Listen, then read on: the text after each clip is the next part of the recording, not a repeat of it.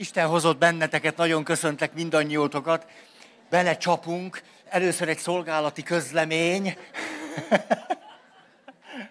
szolgálati közlemény, hogy akik mellett van üres hely, amit nem stoppoltok valakinek, tegyétek fel a kezeteket, létszi, hogy esetleg akik ott jöttök, vagy álltok, vagy nem kaptok jó helyet, hogy ott van néhány, ott néhány jó hely. Nagyon köszi, ez nagyon rendes tőletek, és mindjárt le is rakhatjátok. Jó, köszönöm, köszönöm. Oh, ezen az oldalon van még. Nagyon köszi. Ez volt az első, a második pedig, hogy hát szóval egész meg vagyok döbbenve, hogy ki szabadítottátok magatokat az online világból. És egy háromdimenziós térbe helyeztétek magatokat, hát ez egészen káprázatos. És hogy közben pedig hadd köszöntsem azokat, akik lehet, hogy iszonyú messziről néznek bennünket, vagy velünk vannak. Ez akkora nagy szám, és tudjátok, hogy most, hát most vakaródzok. Vak, vakarom itt. Ezt egy előadó nem csinál ilyet, ugye? Nem. Szóval, hogy tényleg olyan nagy dolog, hogy jövök, megyek az országban, és szinte mindig van valaki, aki odajön, és azt mondja, hogy annyira köszönöm, hogy nem kell ide eljönnöm. És, hát ezt büszkeséggel tölt el, hogy milyen jó, hogy el, elintézem neki, hogy nem kell eljönni. Jó, tehát akkor üdv mindenkinek, és akkor belekezdek. Arról beszéltünk, éppen, hogy elkezdtem, de azért már velejét fölvázoltam, főleg az András miatt, aki mondja mostanában, hogy egy mondatba foglaljam össze a lényeget, ne hadovázzak itt, hogy érzelmi gátoltság séma. Az érzelmi gátoltság séma azt jelenti, ugye András, hogy az érzelmeink gátoltak. De azért ennél egy picit többről is szó van, ez mind, ez édes. Szóval a, a, az érzelmi gátoltság sémánál a helyzet egy picit cifrább, le is ülök ide a fekete székre. Mert nem csak az érzések és érzelmek gátoltak, hanem ösztönkésztetések a vágyakozásaink, a szükségletünk kifejezése, pozitív érzések és érzelmek. Gátoltá válik, vagy válhat, attól függ ki éppen melyik területében nagyon korlátozott belülről, szeretet kifejezése, törődésnek a különböző formái, a gondoskodásnak a megnyilatkozásai, szexuális vágy kifejezésének a korlátoltsága, ez mind-mind-mind ehhez a sémához. Jaj, add! Köszönöm. Hideg. Pont bejöttem, és arra gondoltam, hogy úgy innék egy kis hideg kólát, és látjátok? A vágyainkkal teremtünk. Szóval ez a séma nem annyira derűs, mert hogy egy csomó-csomó jó dolog gátlás alá kerül, vagy kerülhet. Termé... Ja, van itt víz. Hogy nem is vettem észre, hogy került a víz. Higítsam? Nehogy bajom essék. Jöttem a Terézvárosba, még az volt az első hely, akkor voltam két éve pap, és vittem a két literes kólát, akkor még azt hiszem volt olyan, és jött velem szembe egy hölgy, oszlopos tagja a Rózsafüzér társulatnak, és mikor meglátott engem, az első pillantásban öröm futott át az arcán, de a második reakciója a megdöbbenéssel, vegyes csodálkozással átsződ a botrány, és a következőt kérdezte. Atya kólát iszik? És éreztem, hogy az egész egyház képe kezdett el megremegni ettől. Pedig hát én egyszerűen csak egy fiatal pap voltam, én nem kívántam az ő egyház képét romba dönteni. Szóval Természetesen olyan negatív érzések és érzelmek is ide kerülhetnek, mint a harag kifejezése, az indulat kifejezése, az agresszió is kerülhet gátlás alá, és a többi, és a többi. Na, erről van szó. Hogyan alakul ki ez a séma?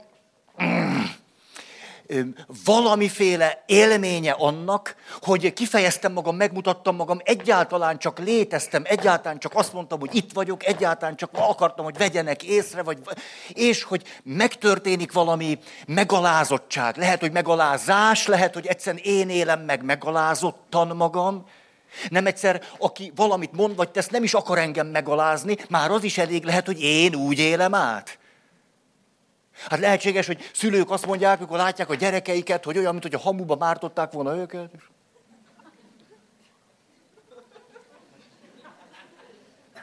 Erényesnek tűnik kétségkívül, kicsit élettelen is hogy azt mondják, ők sose alázták meg a gyerekeiket, nem tették nevetség tárgyává, nem gunyolták őket ki, nem szégyenítették meg semmiféle megnyilatkozásukra, az lehetséges, és mégis, mégis lehetséges, hogy valamilyen magatartás formáink valahogy bennünk a környezet reakciója révén megszégyenüléssel kapcsolódtak össze. És ez már elég lehet. Főleg ott, ahol egyébként nagyon erős az, hogy na, nem, nem ülök le. Na, nagyon erős az, hogy mit fognak szólni mások. Megvan ez bennetek? Hogy nem csinál, mit fognak szólni? Mit gondolnak majd rólam?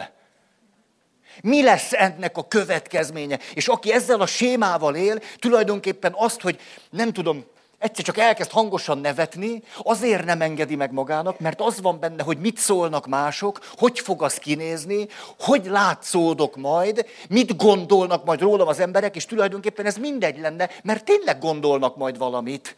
És tényleg látszódni fogok valahogy. A probléma az, hogy ő ehhez hozzáköti azt, hogy akkor én meg fogok semmisülni, meg fogok szégyenülni.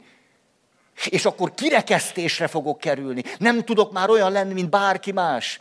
Kikerülök az emberi nemből. Na, azért ez elég ijesztő, nem kikerülni az emberi nemből. Egy kedves ismerősöm, beszélgettem vele jó pár alkalommal, egy vidéki környezetben nőtt föl, és ebben a vidéki környezetben a szülei tulajdonképpen jómódú gazdálkodók voltak, ezért volt egy kis, nem is kis, egy ilyen nagyobb parasztház, és akkor ők szerették a kultúrát, ezért náluk volt könyvtár, és olvastak, és a többi. Tehát egy ilyen vidéki környezetet képzeljétek el, és ott volt ez a lány, aki volt akkor talán négy éves, és fölfedezte magának a művészeti albumokat. És ezeket nézegette, és akkor egymás után látta azt, hogy nő fátyolban, nő fátyol nélkül, nő fátyol nélkül a mezőn fut, nő fátyol nélkül a susnyából kinéz, nem tudom, hogy a művészeket miért érdeklik ezek a témák, hogy valahonnan kinéz, meg ott kibukkan, meg elő, meg Afrodité a habokból, és akkor egyszer csak volt négy-öt éves. Azt mondja, fú, tehát ez milyen izgalmas.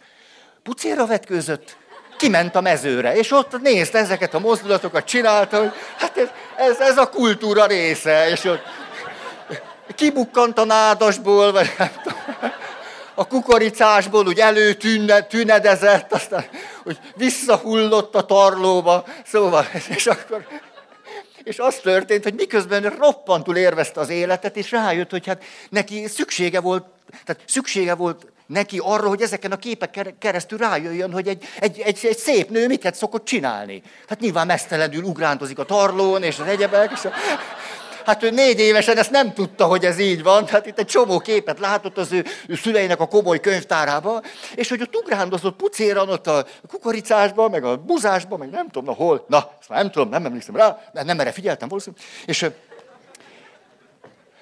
egyszer csak azt mondja, hogy az történt, hogy a szülei lélekszakadva rohantak, de sose rohantak így. A szülei még méltóság teljes gazdálkodók voltak, de hogy egy emberként rohantak a kukoricásba, és kiáltották az ő nevét, hogy azonnal gyere, hogy mit képzelsz, megőrült élte, és őrült nektek, megőrült, hogy jutott ez eszedbe? És ő a kérdést se értette. Hát hogy, hogy, hogy, hogy jutott eszembe? Anyának és apának a könyvei közül levettem azt, ami mutatta, hogy hát ez az élet része. És elmondta, hogy hogyan élte aztán át azt, először hogy ezt az értetlenséget, és aztán a megszégyenülést. És a megszégyenülés után a kirekesztettséget, hogy akkor vele valami nagyon baj van, akkor tényleg nem normális. Ugye ismerős ez a mondat, hogy hirtelen gondolkozás nélkül egy tekintély személy, hogy juthatott ez eszedbe? És közben, hogyha hogy magunkban nézünk, egy csomó minden szokott eszünkbe jutni. De ilyenkor megkérdőjelezzük azt, hogy normálisak vagyunk, hogy nem tudom, miért nézek ilyenkor rátok, hogy az emberi nemhez tartozunk-e. A szépek a színek ott rajtatok. Tényleg olyan változatos. Te egy kicsit sötét vagy, de... Na, jóba vagyunk, most valaki, most van itt életében először azt na így, na, osztja, osztja itt, mikor ülök az első sorba. Nem, Szóval ez a séma kialakul úgy, és aztán itt, hogy melyik érzés, melyik késztetés, melyik szükséglet mi, van, hogy, és nyilván ez nagyon érdekes lehet nekünk, hogy némi önismerettel átülök ide, már picit rálátok a helyzetemre, és azt mondom, jé, hát nekem mondjuk a, nem tudom én, az, az öröm kifejezése nincs gátlás alatt. De mondjuk a félelem igen. Hát mert ez apám elmondta néhányszor, hogy ne legyél már anyám asszony katonája. Szóval a férfi nem fél. Ugye, és akkor az is lehet, hogy nőként meg, ha, jó, jó a kék a nőknek. Nem, jó, jaj, de jó. jó. Ez, ez a kék, nem? Azért kicsit üző, az már nem, de ez a kék. Hogy én meg nőként rájövök, hogy nekem ki, meg gátlás alatt van az, hogy úgy nagyon lelkesedjek, vagy lelkendezzek. Mert apám egy komoly, komoly ember volt, egyetemi tanár, hát ő nem lelkendezett, egyetemi tanár nem lelkendezik. Komoly kutató munkát végez. A hipotéziseit ellenőrzi nem lelkendezik. Nem tudom, jó, jó, nem akarom ezt tovább. Szóval, amitől bebetonozódunk ezekbe a helyzetekbe, az az, hogy az a gondolat, az a félelem, ami bennünk megszületik, hogy ha kifejezném magam, annak mi lenne a következménye, az egészen rettenetes következmény. Ezért aztán háromféle cselekvés módot dolgozunk ki, emlékeztek, minden sémánál így van. Az első fajta cselekvés mód, amikor egyszerűen bekap bennünket a séma, és a séma logikája alapján csináljuk azt, amit csinálunk, vagyis nem tesszük az önkifejezést különböző módjait. Nem csinálunk ilyet.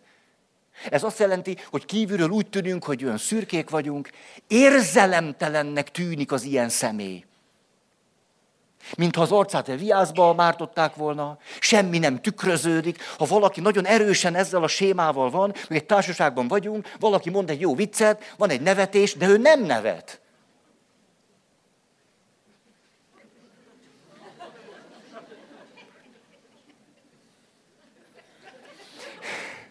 És nem egyszer az is megtörténik, hogy akkor valaki megkérdezi tőle, hogy szerinted nem volt vicces? De. De látszik, hogy egy lépés hiányzik. Tehát, hogy van, lehet, hogy van valami megélés, a kifejezés, a kifejezés az nagyon gátolt lehet. De az is lehet, hogy aztán ez már kiterjed oda, hogy, hogy tényleg nem érzi azt. Nem, ne, nem tudja előszedni, nem is érzi. Oly mértékben is gátolt lehet valami érzés, vagy késztetés, vagy és a többi. Szóval az első fajta cselekvés forma, hogyha valakit ural ez a, ö, micsoda ez? Séma? Köszönöm az az, hogy a séma uralkodik rajta, és minden megy, és megy, és megy, és itt jön valami ö, fájdalmas. Hogyha valaki nagyon begyakorolta ezt a sémát, és azt mondjuk neki, hogy hát nyugodtan kocagjál, nyugodtan rohangászál, vagy pattanj föl, vagy nem tudok, hadonász a karjaiddal, akkor ő mit fog mondani két dolgot? Az egyik, hát én nem ilyen vagyok. A másik, na hát ez nagyon távol van tőlem. A harmadik, ez most jutott eszembe. Hát ez nem az én stílusom. Vagyis, ha ez a séma behammantott bennünket, akkor annyira egyé váltunk ezzel a világgal, ami bennünk kialakult a gyerekkori sérülés okán, hogy mi ezzel azonosítjuk is magunkat. És minden, ami ezen hogy túlmutatna, hogy valamit kifejez, idegen. És ezért nagyon könnyen el is hárítja. Miért kéne nekem a majomnak ott lóbálni a mancsomat? Ez az egyik. Másik, amikor én is érzem, hogy ezekben a mondjuk együttlétekben, ez lehet négy szemközti, lehet társaság, lehet az osztály, munkahely, bármi. Úgy érzem, hogy, hogy tényleg azért azt észlelem, hogy, hogy mások nevetnek, vagy mások akkor játszanak, mások elmennek sportolni, akkor meg itt a két sört, akkor már énekelnek. Oly, oly. Szóval, e, mi, minek ez az éneklés? Most azért, mert két sört ittam, most, most már nem lehet beszélni, csak énekelni. Három sör után meg táncolni, ezt nem értem. Hát lehetne nyugodtan ülni, és valahogy normálisan ellen. Még kell énekelni, meg táncolni, ezt nem értem. De ő érzékeli, hogy itt valami zavar van, ez neki nem esik jól. Ezért ő elkerüli az összes olyan helyzetet, vagy igyekszik elkerülni, főleg a szabad idejében, ahol találkozna azzal, hogy valami kényelmetlen érzést meg kell élni abból, hogy talán lehetne, de nem, de most ő miért nem, és a többiek miért igen, és ha megint elkezdik rángatni, az a legszörnyűbb.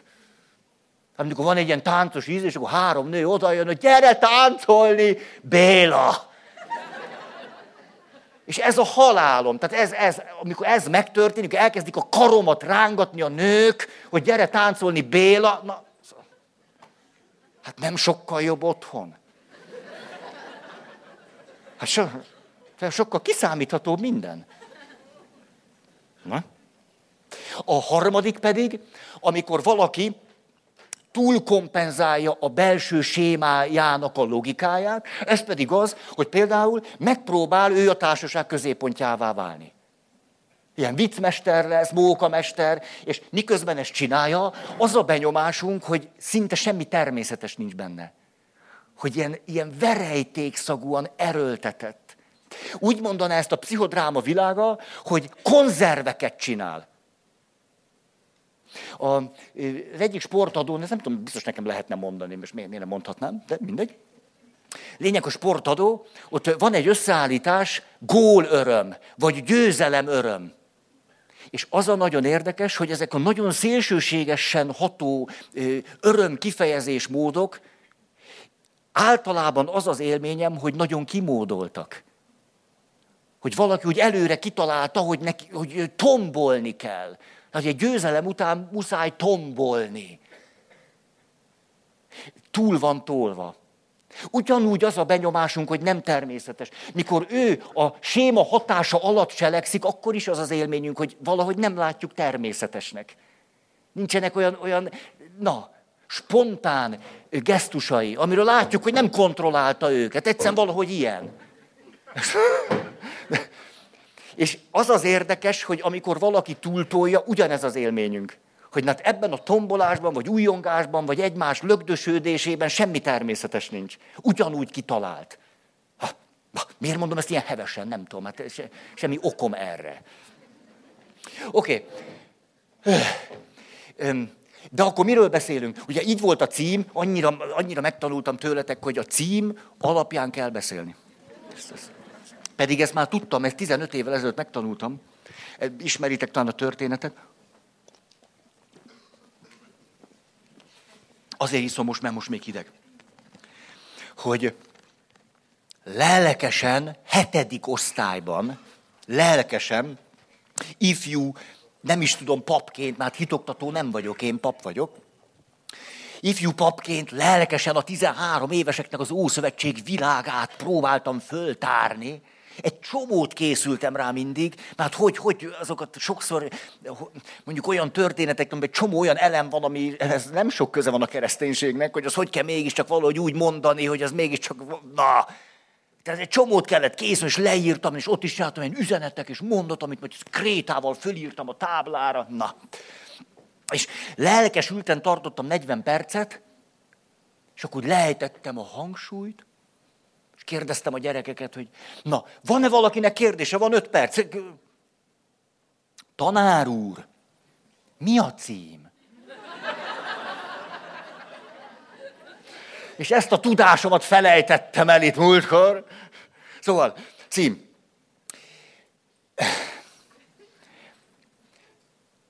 gondolhatnánk azt, hogy most olyan negatív összefüggésbe helyeztük azt, hogy ne legyünk gátoltak, ugye érzelmi gátoltság.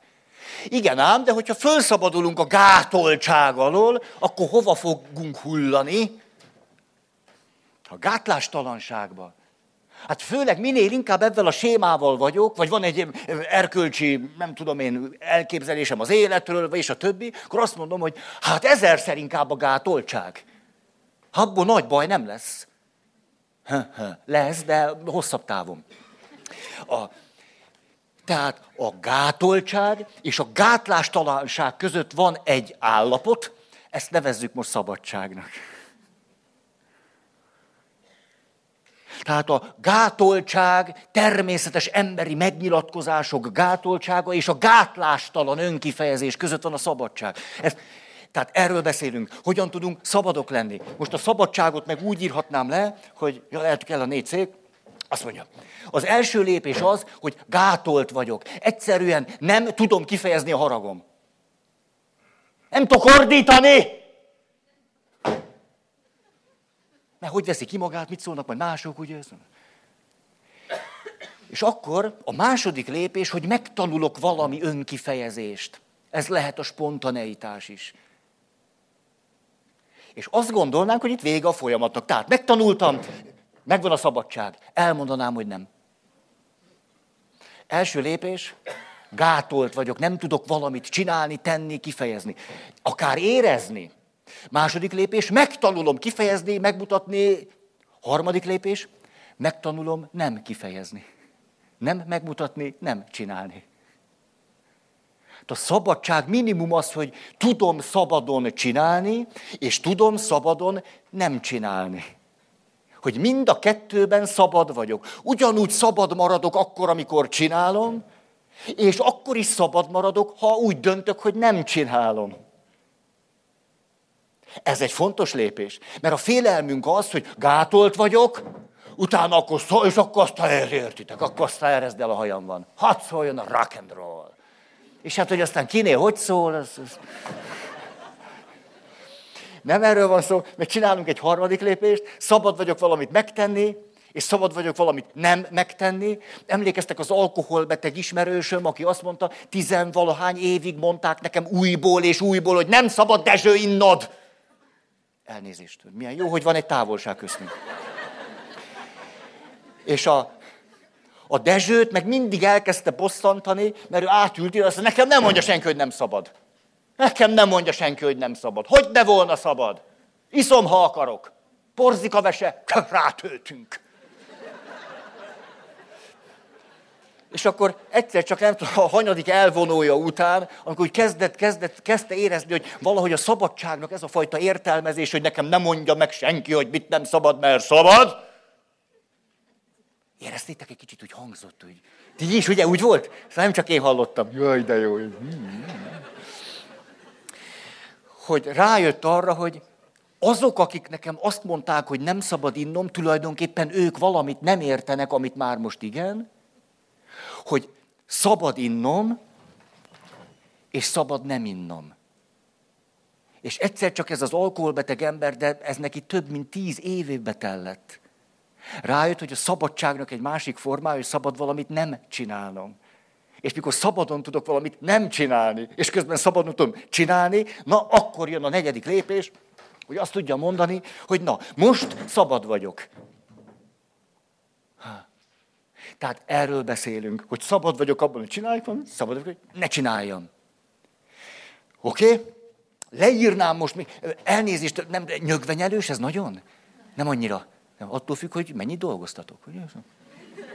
Hogy csak valahogy mindig az összefüggés, mert aztán elkezdem mondani, és akkor beleveszünk az, hogy nem tudom, mit... Na, hogy néz ki a belső, nem is tudom, dinamikája ennek? Mondjatok egy jó magyar szó dinamika helyett. A belső mozgása, az jó. A belső mozgása hogy néz ki ennek a sémának? Úgy tekinthetünk rá, hogy van egy alávetett gyerek bennünk. Ez az alávetett gyerek megtanulta, hogy mit nem szabad, mi nem normális, hogy fogd be a szállt, hogy ne, ne, egy alávetett gyerek. És nyilván az alávetett gyerekhez kell egy alávető szülő. Hát valaki, aki üti vágja. Aki adott esetben megszégyenít, és a többi. Most, hogy így ülünk, a Óbudán, amikor gyerekekkel beszélgetve tartottuk a misét, nagyon pici volt a templom, ezért én nagyon közel voltam az első sorhoz. Hát általában hallottam, ami egyébként zajlik, azon kívül, amikor beszéltem. És miután a gyerekekkel beszélgettem, és lejöttem egész közel hozzájuk, úgyhogy egy gyerek, egy szülő, sokszor így volt, és hát volt ott egy gyerkőc,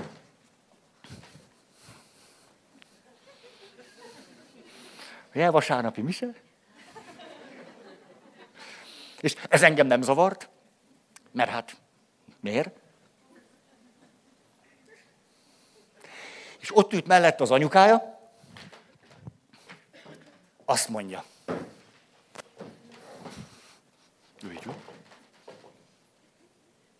Ne integes az ördögnek!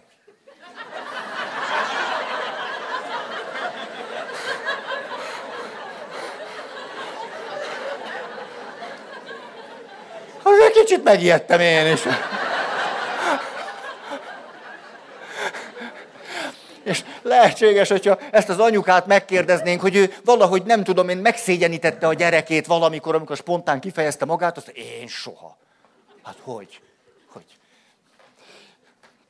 Hogy néz akkor ez ki? Tehát van az alávetett gyerek, ugye ő már sérült, már nem, nem szabad, félek és a többi, nem akarok megszégyenült lenni, nem normális lenni, kirekesztett lenni, megsemmisülni, és van egy alávető szülő. De van egy harmadik szék, ami ilyenkor tulajdonképpen nem hatékony. Ezen a széken ülne a felnőtt. Mikor elkezdjük gyógyítani magunkat ebből a sémából, akkor az történik, hogy a gyerek azt mondja a benne lakó felnőttnek. Azt mondja, te Feri, vagy Feri, inkább így, Feri. Nekem apa azt mondta, hogy nem szabad húzni az orrom. És akkor a felnőtt azt mondja, hát szabadni szabad. Azt mondta a szülő, hogy nem szabad húzni az orrod. Na, szabadni szabad. Hát húzzad egyszer-kétszer.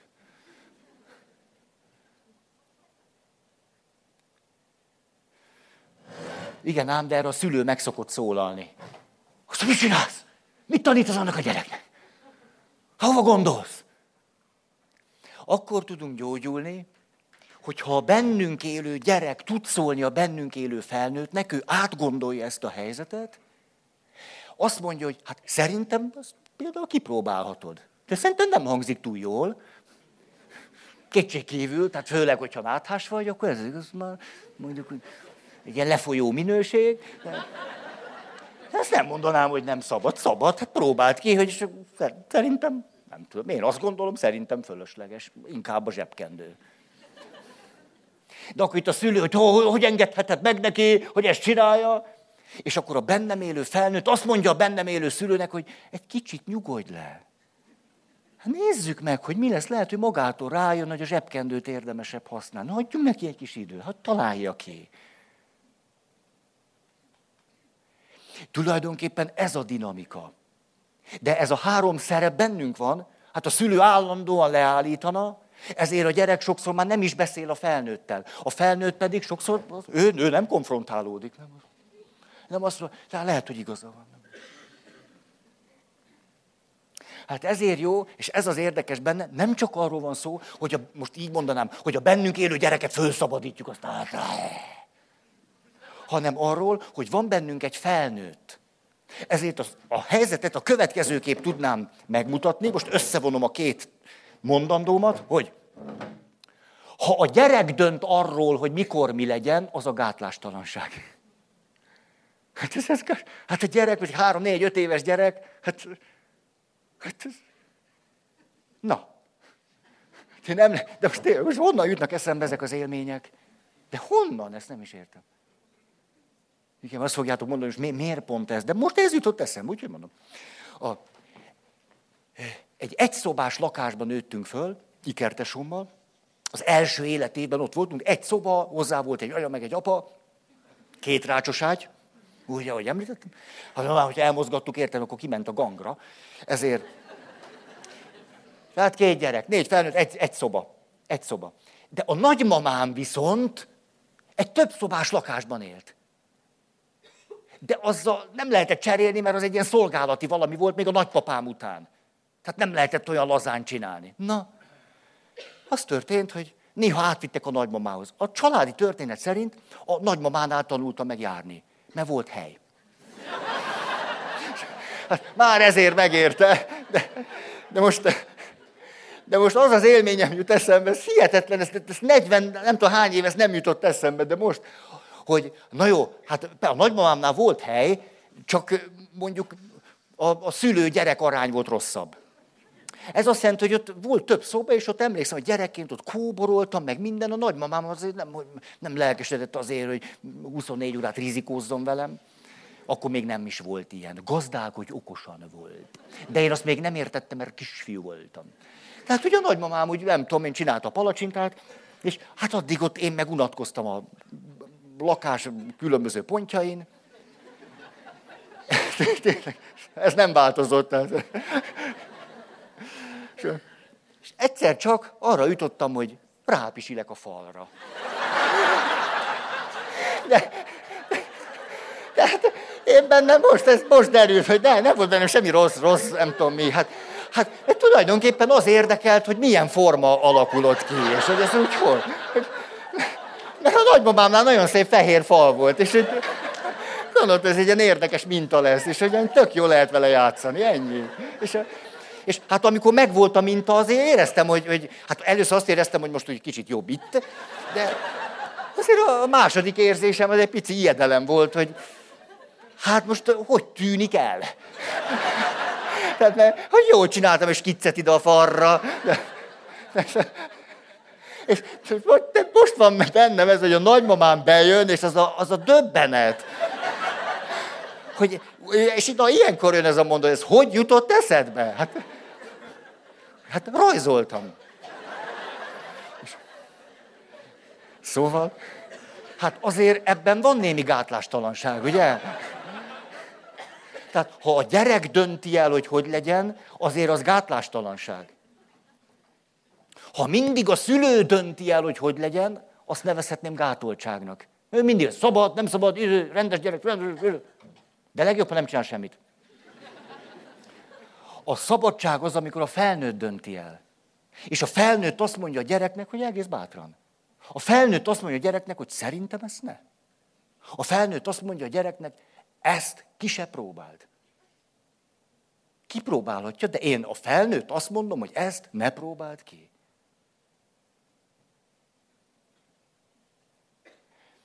Tehát a szabadság az az, hogy a bennem élő felnőtt mond valamit a gyerek, de a gyerek, a gyerek spontán, nem a felnőtt. A gyerek az, a gyerek a játékos, a gyerek a természetes. De tárgyal a felnőttel.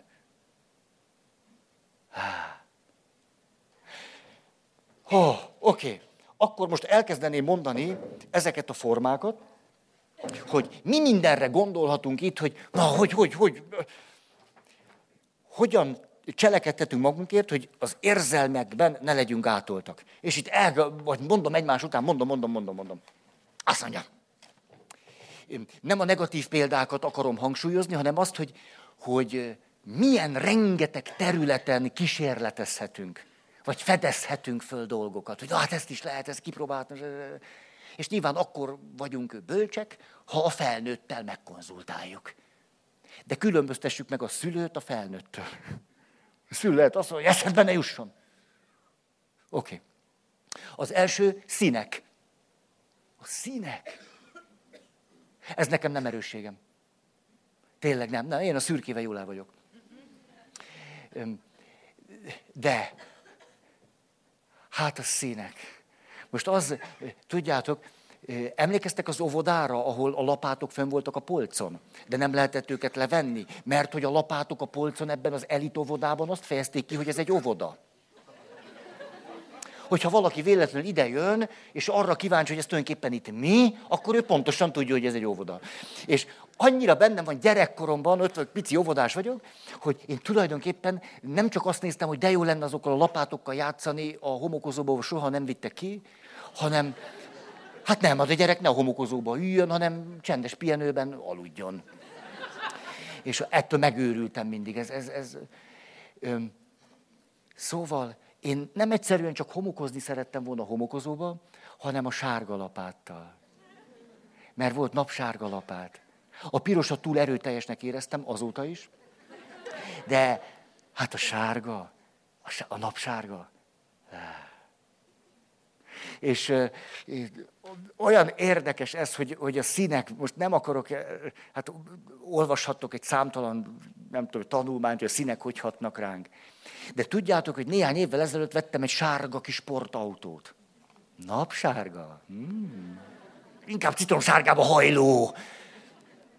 És az a benyomásom, hogy valamerre megyek ezzel a sárga autóval, ez föltűnik az embereknek, és az a legizgalmasabb, hogy teljesen függetlenül gyerek, vagy felnőtt, férfi, vagy nő, elkezdenek mosolyogni. Hát ez, ez az, a, egyszer ránéz egy ilyen sárga kis autócskára, olyan, mint egy matchbox, és... Tehát az első, ahol akár még ki is próbálhatnám magam, hogy lehetséges, hogy na, a bennem élő felnőtt azt mondja, hogy hát na, lehet esetleg sárga. Peros. A személyiség fejlődésem 50 éves koromban addig jutott, hogy például a mondjuk a társkapcsolati témáról nem szeretek fekete nadrágban előadni. Inkább a szürkét választom. Tehát látni valóan ezen a téren nem sokra jutottam. Jó, tehát az első színek, így akarom ezeket mondani, egyetem milyen területeken lehet valaki gátolt, és hogy milyen területeket fedezhetne föl. Színek. Jó, jaj, de jó, hogy leírtam. Igen, mindig jegyzeteket mindig írok, csak nem nézem meg. A, hogy két éves önismereti csoport után csináltunk egy rövid kört, hogy de most két év után hova jutottál. Hát ez egy izgalmas, két évnek, de egy mondatban mondasz. És annyira bennem van, ez sok évvel ezelőtt egy férfi, lehet, hogy ezért is jegyeztem meg, a következőt mondta. Két évnek az önismereti munkájának a gyümölcse az, hogy rájöttem, színesen akarok élni. Színesen élni. És ezzel kapcsolatban van egy élményem, mert elmentem e, szupervízióra, egészségedre. Ha ez az volt, mert nem tudom, hogy és előkerült az, hogy tulajdonképpen én hogyan határoznám meg azt, hogy én milyen pap vagyok. Hogy ezt mondta nekem a szupervizor, egy helyzetre vonatkozóan, ahol papként cselekszem, hogy jó, mondd meg, Feri, hogy te mit mondasz, hogy te egy milyen pap vagy. Mert amit te mondasz magadban belül itt, hát nyilván valami olyasmi fog kijönni. Mondd meg, hogy te egy milyen pap vagy. Hú, hát ez milyen izgalmas kérdés. Lát, ez érdemes szupervízióra járni. Hát én magamtól sose kérdezném meg. Milyen pap vagy? És akkor hír, ne sokat gondolkozz, mert akkor már kutyáké. Csak következőt mondtam neki, és nagyon bennem volt ez az élmény, később rájöttem, hogy én egy színes pap vagyok. És hogy milyen érdekes az élet, erre a következőt mondta a szupervizor. Azért a püspöködnek ezt ne így mond.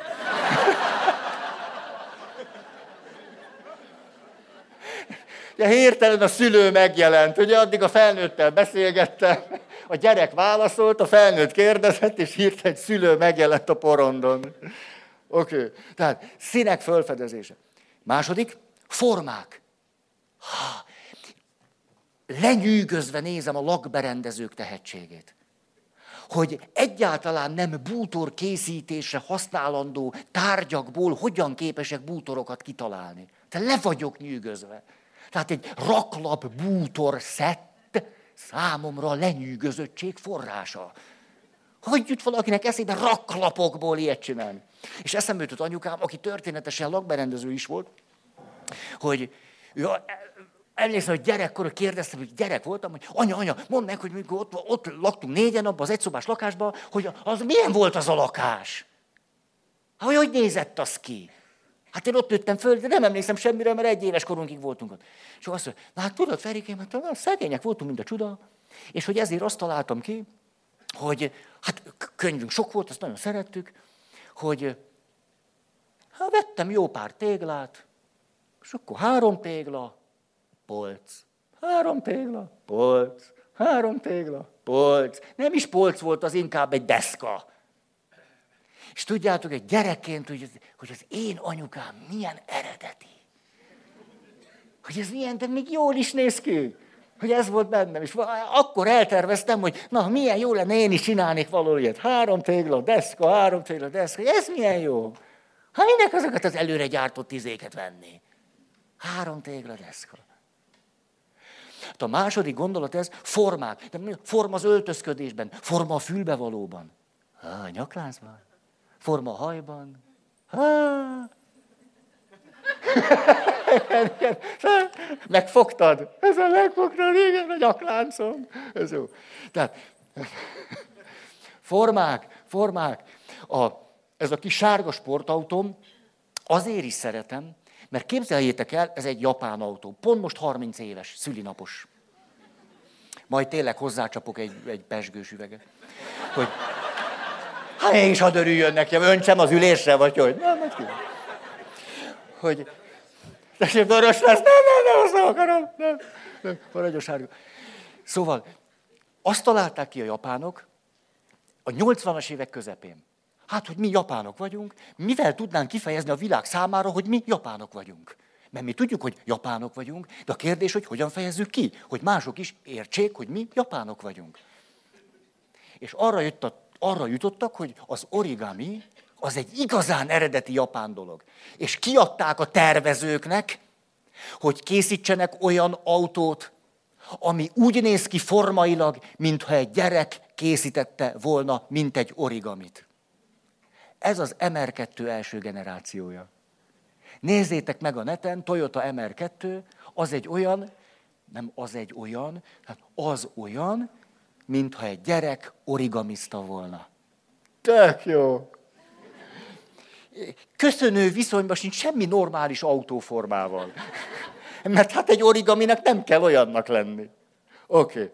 Tehát formák. A, néztem egy filmet, Indiában egy pofa tulajdonképpen járt, kelt az utcán, és először nagyon bosszantotta őt, hogy mennyi a szemét az utcán. Szóval rájött, hogy tulajdonképpen ebből a szemétből valamit építeni is lehet, és valami 40-50 év alatt a kertjében szemétből épített egy világot. Évente százezrek látogatják meg ezt a kertet, annyira jól sikerült. Szóval a formák szabadsága. Következő, ilyen, hangok. Szabadság a hangokban. És itt a hangoknál lehet nagyon jól mutatni, hogy, hogy a... Ha? Hogy, hogy nem csak arról van szó, mikor hogy szabadság, hogy akkor ordítás. Mert tudok ordítani, tudok suttogni. Hát, hogy az egész eszköztára rendelkezésemre áll, hogy tudok nagyon halka. Azt tanultam. Ezt halljátok. Azt tanultam. Ha azt akarod tanárként, hogy a gyerekek figyeljenek, ne emeld föl egyre inkább a hangod, mert bereked. Hanem suttogj. És mikor én ezt tanultam, arra gondoltam, nem, hát ez egy hülyeség. Most én, megy a rajcsúr az osztályba, és én ott a hullafáradt hetedik órán rajcsúrozó gyerekeknek elkezdek suttogni, hát úgy kiröhögnek, mint a csuda. És kipróbáltam. Nem. Ez volt az érdekes. Nem.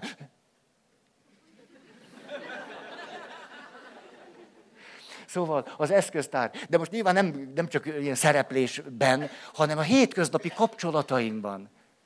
Hogy tudok, á, és tudok nagyon finom és halka, és á, még, még belegondolni is jó. Na, de a hangokba nem csak, nem csak szavak tartoznak bele, hát az már micsoda, túl van kultúrizálva. Nyögés. Hát nyögni jó, nem? Egy társasházban lakom, papírvékony falak. Ugye erre szokták mondani, van minden. Hát, azt is lehet hallani, hogyha valaki megengedi a vizet a kádba. Komolyan, tehát annyira vékony, lehet, hogy ti is olyan balaktok. Hát ezt maguknak építették a 60-as években, hát na. Nézd, a tégla drága volt, tehát akkor egy sor mindenből. És a...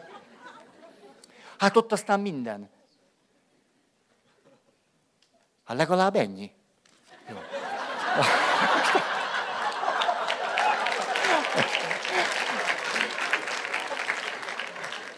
Szóval a hangok jók. Nyögni, szuszogni, krákogni, mit tudom én, hangok. Jó, nem ragozom. Sikítani. Ó, hallott, na, hallottam ennek a, van ennek szakirodalma, hogy nők veszélybe kerülnek, és hogy gyakran tulajdonképpen a leghatékonyabb fegyver, hogy sikítasz, ahogy csak bírsz.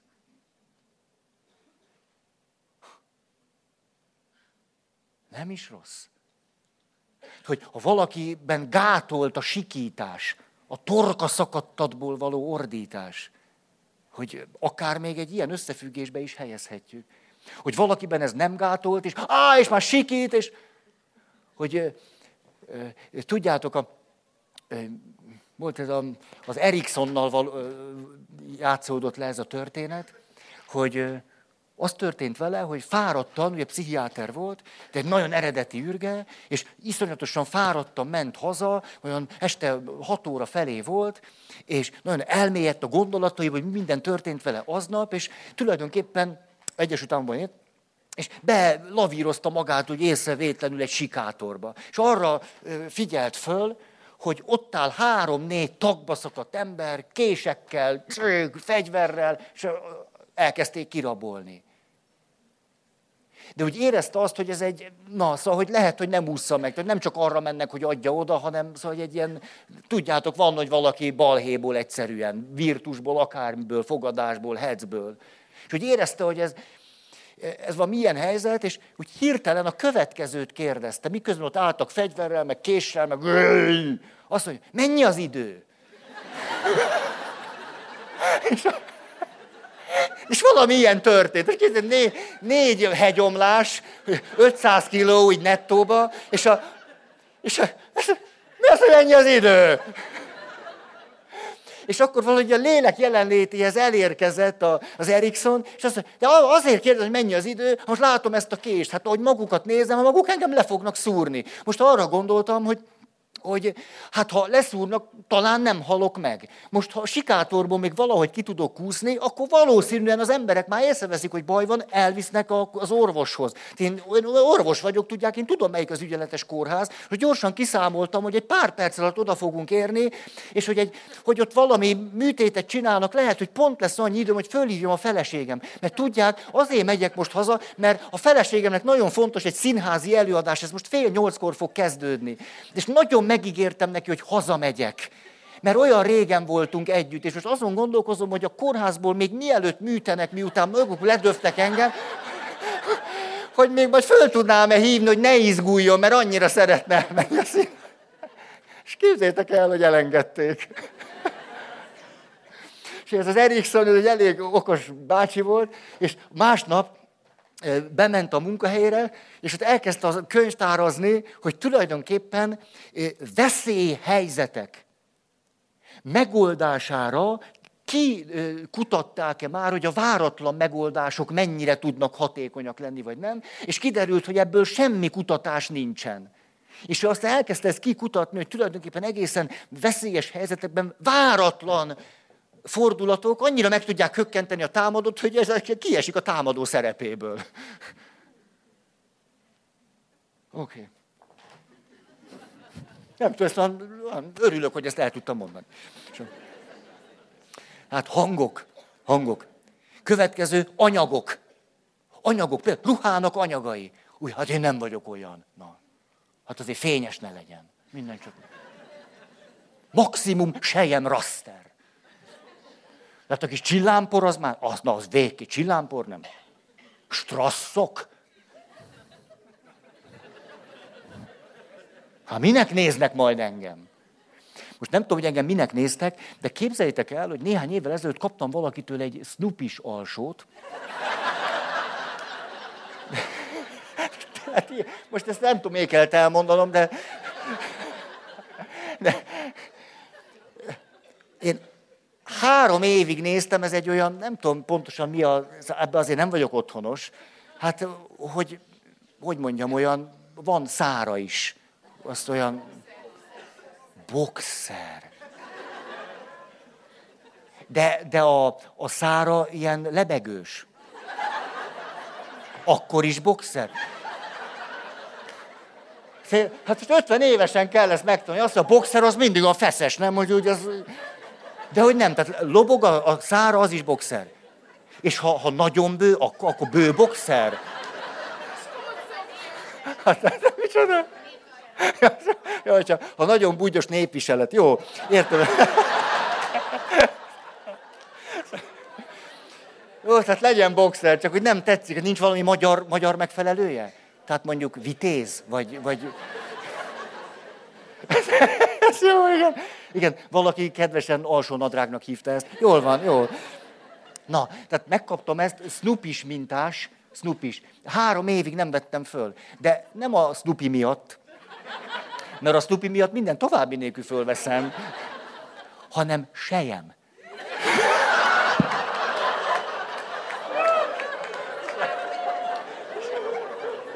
És három évig kerülgettem a sejem Snoopy boxerem, és arra gondoltam, hogy miután elmúltam 50, hadd szóljon!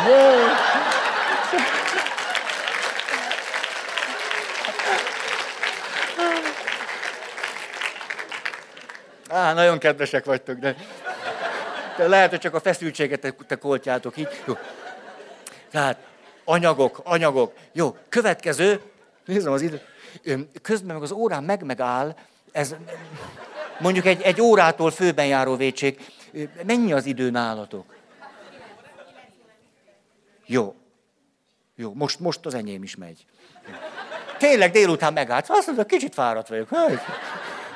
Ez a önkifejezés. Az órám is azt mondta, jó. A következő téma, miben lehetünk gátoltak, de hát nem erről beszélünk, miben lehetünk, ugye, hogy jó, elmélyítsük, hogy mi mindenben lehetünk rosszul, hanem, hogy mi mindenben kísérletezhetünk, beszélgethetünk a felnőttel, és mondhatja azt, hogy miért ne? Öcsi saj, toljad. Na, ez mozdulatok. A gátoltság a mozdulatokban. Hogy,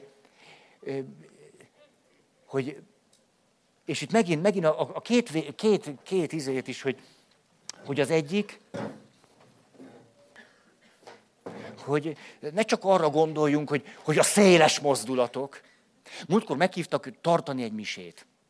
Jó, most nem az, hogy életemben először, szóval nem lepődtem ezen meg, hanem hogy hát valahol, ahol addig nem. És képzeljétek el, én életemben még ilyen templomban nem voltam, mert úgy nézett ki, hogy van az az úgynevezett felolvasó állvány,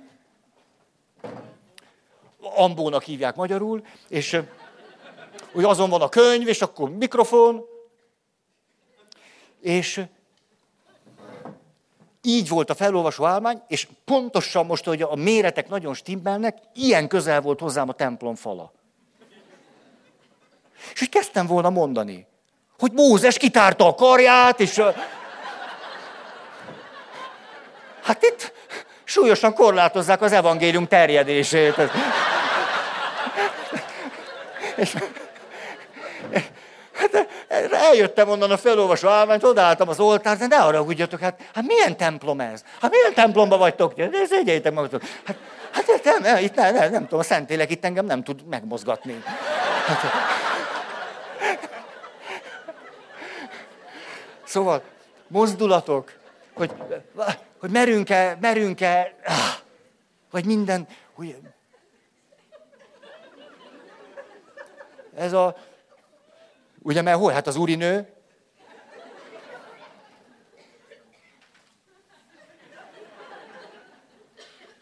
Megvan? Megvan ez? Hát maximum ennyi a lelkesedésből. Tehát... Szóval korlátoltak a mozdulatok. Nincs, nincs valami kitárva. Most látja, mindig megfogom. Direkt. Tényleg. A, ez csak az egyik, hogy merek-e széles mozdulatokat tenni. A másik, á, tehát a, a gátoltság nem csak erre vonatkozhat, hogy merek-e gyöngéd lenni. A legfinomabb mozdulatokra képes vagyok-e, vagy a zavarba hoz engem. Hogy egészen lassan, egészen finom mozdulatokat tudok-e tenni. Ez az ugyanaz a világ. Hát nem csak a széles mozdulatokban lehetek gátolt, az egészen finom gyöngéd mozdulatokban.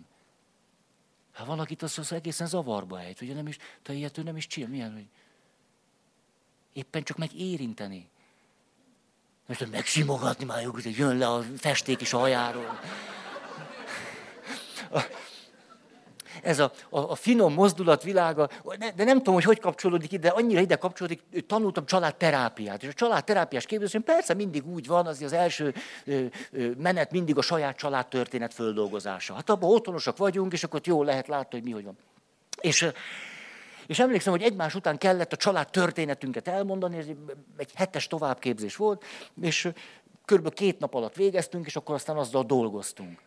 És emlékszem, hogy volt ott egy hölgy, Kárpátaljáról jött, eleve izgalmas volt az a világ, hogy még nekem az erdélynél izgalmasabb, mert az erdélyi világot ismertem valamennyire, már, de a Kárpátaljait egyáltalán nem. És, és emlékszem, hogy mondja a családtörténetet, olyan volt nekem, mint valami mese, hogy ott beszél a... És hogy a kiképző terapeuta újból és újból úgy, úgy belekérdezett, hogy jó, és akkor, akkor az anya, és akkor az apa, és akkor a konfliktus a testvérek között, és a rivalizmus. És erre ez a, ez a kárpátaljai hölgy mindig mondta, hogy nem, nem, nem, ez, ez, ez, ez nálunk nem volt. És a terapeuta láttam, egy kicsit bosszantotta, hogy... És, és az egyetlen olyan családtörténet volt, ami, amiben valahogy, valahogy nem ez mindig a durvaság, ugye mindig ez, hogy megbántotta, bántalmazta, nem volt, nem kapta, elhanyagolt, mindig a durvaság. És hogy hallgattuk ezt a családtörténetet, és egyszer megjelent a finomság. És emlékszem, hogy holland terapeuták voltak, egy holland férfi, meg egy nő, és akkor elmondta ezt a történetet, hogy bele piszkált vagy hatszor, mindig kiderült, hogy valami, valahogy ott mindig olyan finoman intézték a dolgokat. Hogy valahogy ez volt a család kultúrája, hogyan... És annyira bennem van ez, de hát ez több mint húsz éve volt. Hogy áll, állt ez a terapeuta, nyilván azért is, mert hogy tolmácsolni kellett, és ezért akkor minden le is lassul. Ugye, hogy ő is lassabban, hogy a tolmács értse, és akkor valahogy minden, mindennek, hogy nagyon több ideje lesz. Ugyanannak a közlésnek kétszer annyi idő jut.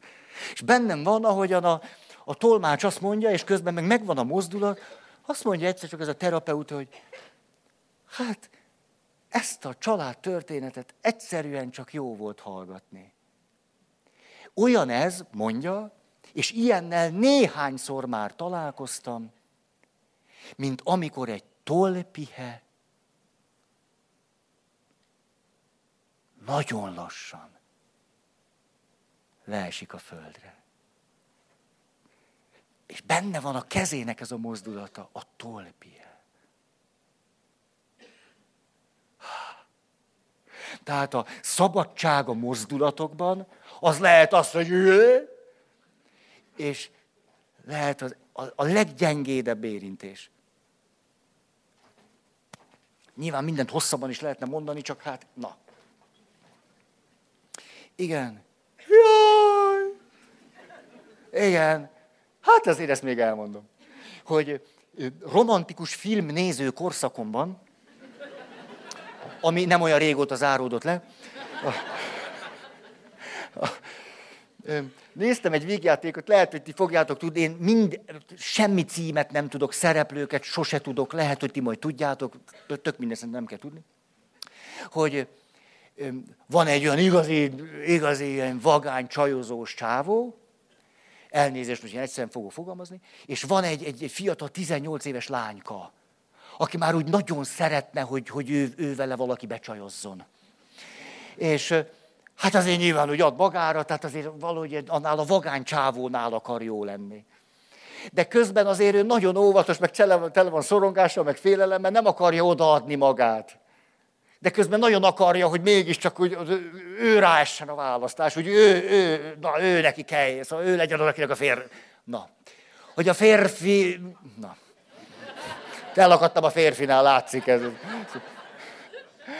Hogy ő kelljen a férfinek, ezt akartam elnyögni. Na, és, a, és végül akkor a férfi elviszi őt a lakásába, de a nő nagyon ügyesen fondorkodva, mint az ezer egy éjszaka mesébe, mindig kikerüli azt, hogy ö, szexre kerüljön sor, és hogy mindig még valamit csinál, és akkor már férfi már hogy nyomulna, és hogy hó, ez nagyon jó, de te, és akkor kérdeznék tőled valamit, hogy... És akkor azt kérdezi a, sráctól, te mondd már meg, hát a srác mit 38, ő meg 10, 35, 18.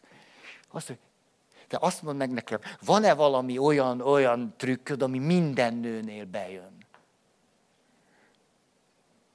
És tetszik a srácnak, a, ennek a, a, a fiatal lánynak ez a nyíltsága, meg őszintesége, és el, elkezd őszintén beszélni. Azt mondja, nincs meg nektek ez a film? Mert olyan érdeklődve néztek, mint hogyha ne.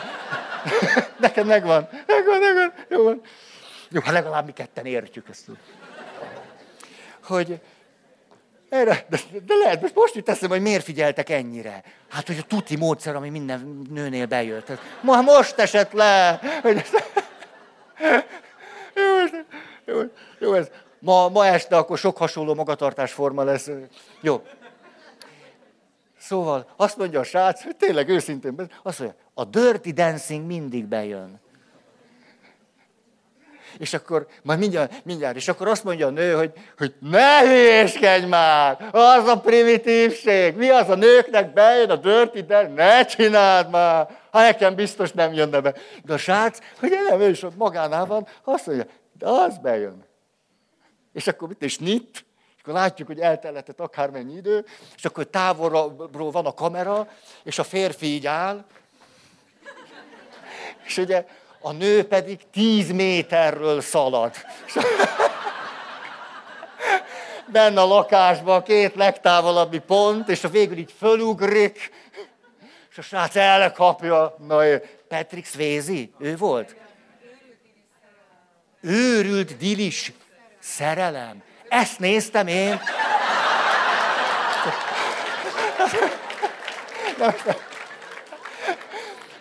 Hát a címe alapján nem biztos, hogy leültem volna. Ezt a mozdulathoz kapcsoltam.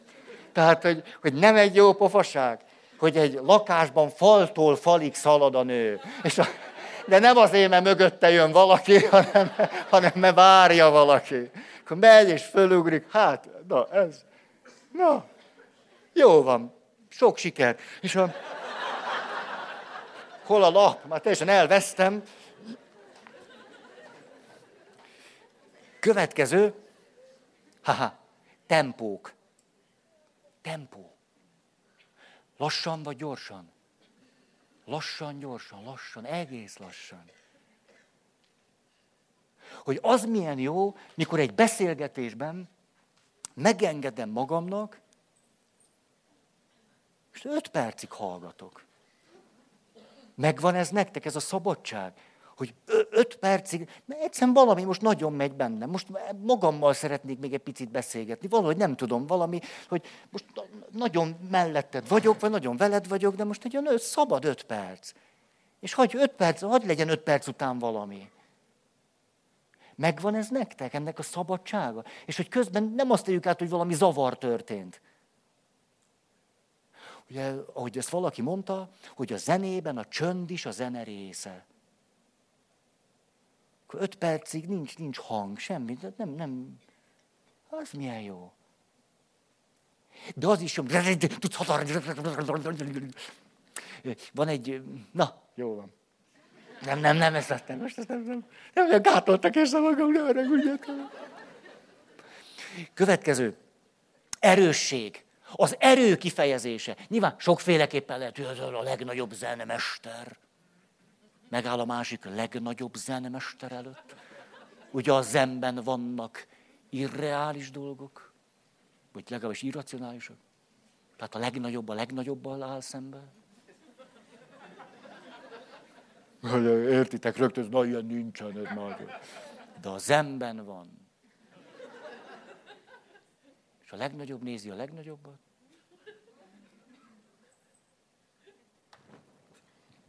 Majd meghajolnak, és mind a ketten tudják, ki győzött. Ez, a, na, ez az egyik, tehát az erő kifejezése nem föltétlenül azt jelenti, hogy palacsintává klopfolok valakit, azt nem klopfoljuk, tehát jó. De az... Na.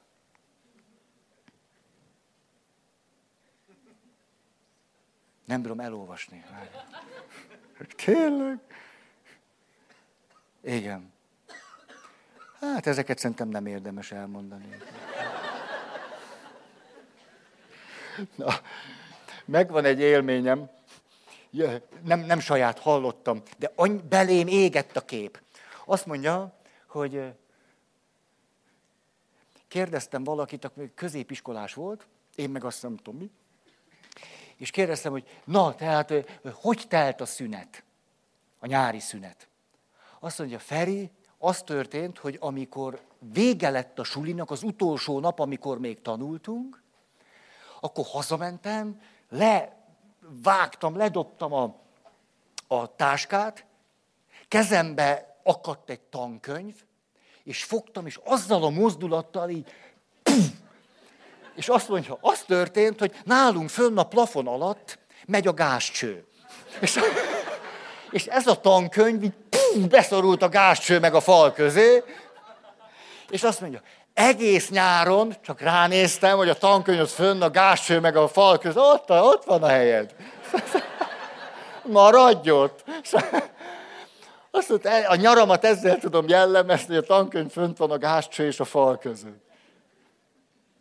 Szóval, ah, erő. Igen. Következő, hát ide azt a végtelen sort lehetne mondani, stílus. Stílusok. Ugye azt mondják az okosak, hogy mikor 5-6 évesek vagyunk, már 4-5-6 évesek vagyunk, akkor egyszer csak valami megnyílik bennünk, mégpedig az, hogy ráébredünk, hogy én egy kisfiú vagyok, vagy kislány. És ez foglalkoztatni is kezd bennünket. Ez nem ugyanaz.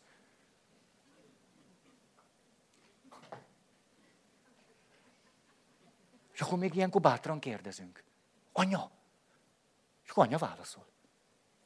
A, a serdülőkor átülök, a serdülők, de igen, most egy, egy anya jutott, tehát volt egy ilyen, hát, na ezt elmondom. Szóval én nem tudom, hogy ez jó-e, de ennek az anyának csak fiai vannak, de több. Csak fiúk. És a fiúk rettenetesen este sugdolóztak. Nem, egyszer nem aludtak el. Igen. És az, az anyát bosszantotta, kíváncsi volt, mondjátok már meg, hát most miről beszéltek ennyire? Erre ott a fiúk megint kuncol. Hát, hogy, hogy, hogy nekünk eh, fütyink van, de nem tudjuk, hogy a lányoknak mi van. És az anyuka letúlta a szoknyáját, azt mondta, hát a lányoknak ez van. Azt mondja, nagy csend lett a gyerekszobába. Tehát mese helyett ez is működik. Az első lépés. A... Ezt nem, az, nem ezt akartam. Igen, ez jutott eszembe, azért lassítottam le, mert ezt a történetet elmondtam magamnak időközben. Aztán gondoltam, nektek is elmondom. Hát a stílus. Szóval akkor átültem a serdülő kor, kor székébe, mert hogy a serdülőkorban nem az történik, hogy hogy ez hogy is van, mert már azért valami, valami halvány segédigénk van róla, hanem az, hogy tulajdonképpen én milyen férfi legyek a szónak most nem csak formai értelmében elkezdünk kísérletezni, vagy kitalálni, hogy ha én férfi vagyok, én, én milyen férfi vagyok. Ha én nő vagyok, most áthozom ezt így, hogy tulajdonképpen én milyen nő akarok lenni, milyen vagyok, milyen akarok lenni, mi áll nekem jól, tulajdonképpen miben érzem otthonosan magam. És nem egyszer az történik, hogy van, aki mondjuk egy női stílusban szinte csak egyet-kettőt próbált ki egész élete során. Ő 15-16 évesen ráállt valamire, és az, az, az tolja.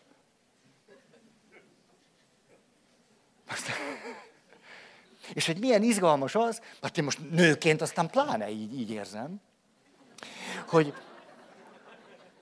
megengedni magamnak, hogy különböző stílusokat átélhessek. Hogy most ilyen, és olyan, és ilyen, és olyan, és... És persze majd, ha gátolt vagyok, akkor jön az, ez nem te vagy, Rozi. Ugye ez, ez, ez a mondat jön. Hogy néz ez ki rajtad? Ugye valaki más azt mondja, te jól nézel ki, de én nem így élem meg.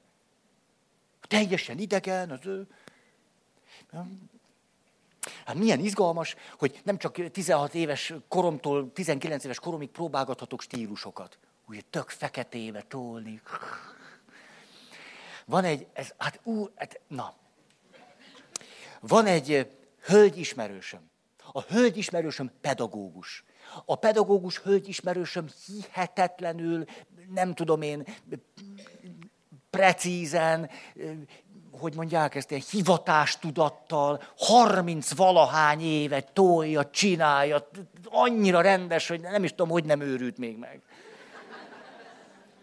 És egy olyan igazi rendes, rendes, tehát hogy mindenben rend, ő, ő rendes, és ezt a, a tanárságot is annyira rendesen csinálja. És azért, hogyha valaki már 50 éve rendes, tud fárasztó lenni. Ugye, mert sokszor ott egy csomó jó dolog gátlás alatt van. Ugye? Az indulat, az agresszió, az örö, az mind. És egyszer csak ez a nő rájött, hogy ő heavy metal kedvelő. És, és elkezdett a legzúzósabb zenékre járni, és akkor rájött, érthető, hogy ment először, kis kosztüm, minden, hogy kell. Aztán valahogy, úgy, hogy mondjam, hogy, hogy erőszeretettel bevonták a pogóba. És, és hogy rájött, hogy azért, azért egy olyan, hogy mondjam, egy olyan fémbetétes bakancs, az nem, nem volna rossz. És ez a 50 éves pedagógus rájött, hogy egy kicsit az így földobja a ruhatárát olyan... Na. Ugye több rajta a szeg, mint a bódban. És az, az a jó pofaság, hogy először a koncertekre járt így. Az a iskola rendesen, koncert meg zúzda. És a, aztán rájött, hogy, hogy hát tulajdonképpen nem. Hát, hogy ő itt belül, hogyha valami zenét hall, akkor az neki...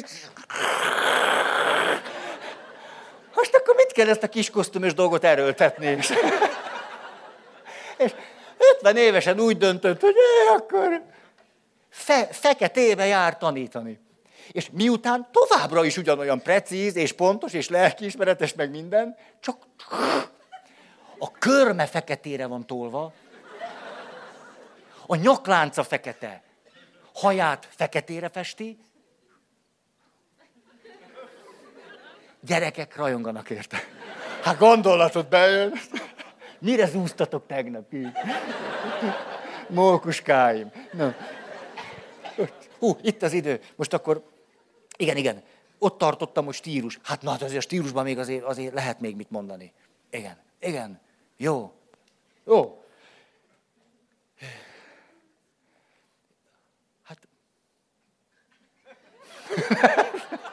Most hogy kell befejezni, nem tudom. Vége van.